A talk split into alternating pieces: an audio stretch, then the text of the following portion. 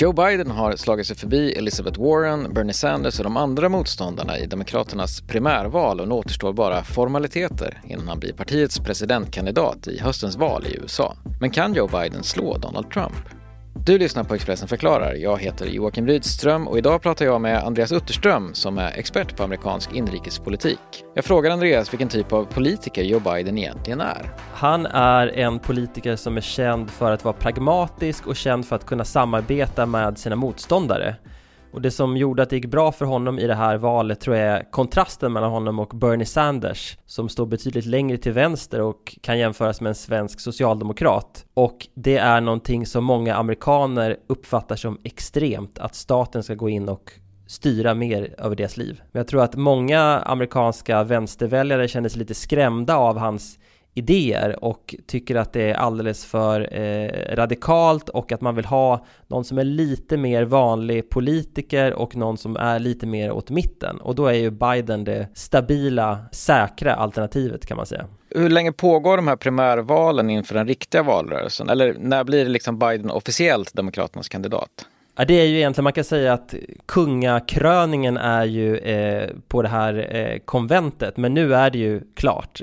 Eh, Eh, Bernie har ju hoppat av och då var ju frågan hur lång tid kommer det dröja innan Bernie eh, ger Biden sin endorsement som man säger i USA, alltså att han ger Biden sitt stöd. Och det gjorde han ju häromdagen, vilket betyder att nu har man sparat in några månader, annars hade det blivit någon osäkerhet om Bernie ska streta emot och sådär. Eh, nu så ha, finns det tid att vinna över vänsterflanken, så det där var väldigt bra för Joe Biden. Men om man tar då bara personlighetstyperna, Joe Biden mot Donald Trump, vad kan vi vänta oss för typ av valrörelse mellan dem? Likheten är att det är två äldre herrar som närmar sig 80, eh, Biden mer än, än Trump och som båda två är nostalgiker kan man säga. Trump har en slags vag nostalgi som handlar om att allt var bättre förr, riktiga män hade riktiga jobb, man behövde inte vara politiskt korrekt. Biden är en nostalgiker på så sätt att han i princip var och varannan mening säger den där lagen skrev jag det var nästan lite parodiskt i eh, debatterna, det var som att det var hans svar på allting. Och han pratar ju väldigt mycket om de här åtta åren när han var vicepresident. Och eh, de väljare som nu är otroligt trötta på den här reality-tv-showen som, som Donald Trump har gjort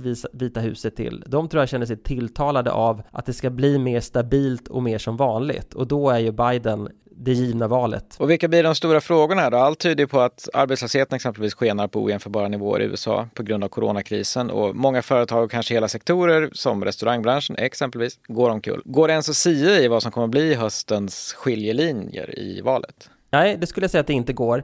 Corona kommer ju påverka på två sätt. Det ena är ju vad har det gjort med arbetslösheten och det andra är vad säger det om Donald Trump som ledare? Alltså det har blivit en krock mellan reality tv-showen och den riktiga realityn så att säga. Trump far ju ofta med osanning men nu blir det en clash mellan hans osanningar och människors vardag. Det spelar ingen roll hur mycket Donald Trump säger att vi har allt under kontroll om man är oroliga för sina föräldrars liv, man kan, måste jobba på distans och man måste ha barnen hemma. Då klingar hans ord ganska falskt. Eh, så, det, så det är det ena. Eh, och, och sen så tror jag också att de här klassiska frågorna, de här sakerna som inte funkar i USA med eh, sjukvårdssystemet också kommer upp.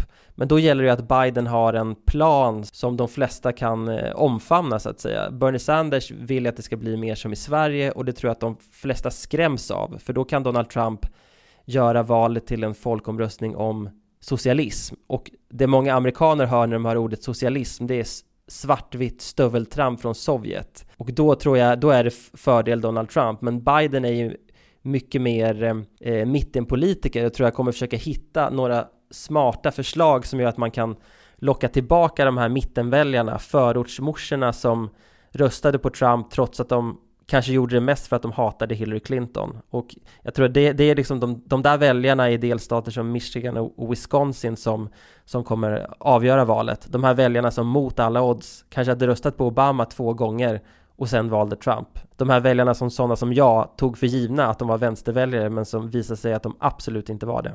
hur påverkar Donald Trump överhuvudtaget just nu? Vad tycker opinionen om hans sätt att eh, hantera krisen? Ja, men med Trump är det intressant att han, han har ju sina kärnväljare som nästan är som fans. Jag tror att oavsett vad han gör så kommer de stå på hans sida.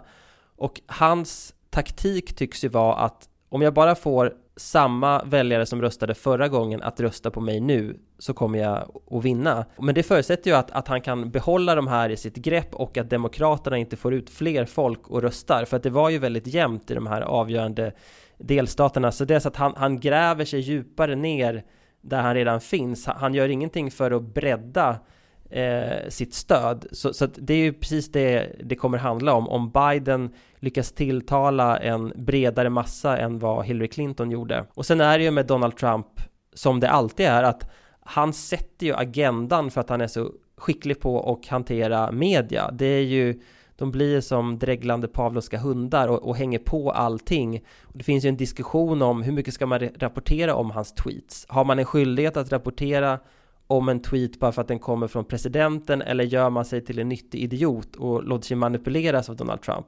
Och hur media eh, hanterar det där eh, kommer också vara viktigt tror jag. Förra valet eh, handlade ju till slut om att Trump kan vara hem vissa nyckelstater. Blir det samma stater som spelar roll i år och vem kommer ta hem dem tror du? Jag har ett dåligt track record när det gäller att gissa om, om Donald Trump. Jag var ju helt övertygad om att han inte kunde vinna. Eh, men jag tror att det kommer handla mycket om Michigan och Wisconsin eh, igen. Och eh, det är lätt nu att tänka att Donald Trump inte kan vinna därför att han har inte hanterat coronakrisen på ett så imponerande sätt och, och, gör allting till en fråga om sig själv och de här presskonferenserna blir som små eh, valmöten för honom som nu inte kan hålla vanliga valmöten på grund av corona där han spelar upp små propagandafilmer och sånt där. Eh, men om coronakrisen nu lägger sig inom några månader då tror jag att den i folks medvetande kan kan försvinna lika snabbt som Rysslandsutredningen har gjort och riksrätten. Det känns, det känns ju som att det hände för flera år sedan. Men det är bara några månader sedan. Och då är det ett helt nytt läge. Och då måste dessutom Joe Biden prata och synas mer än vad han gör nu.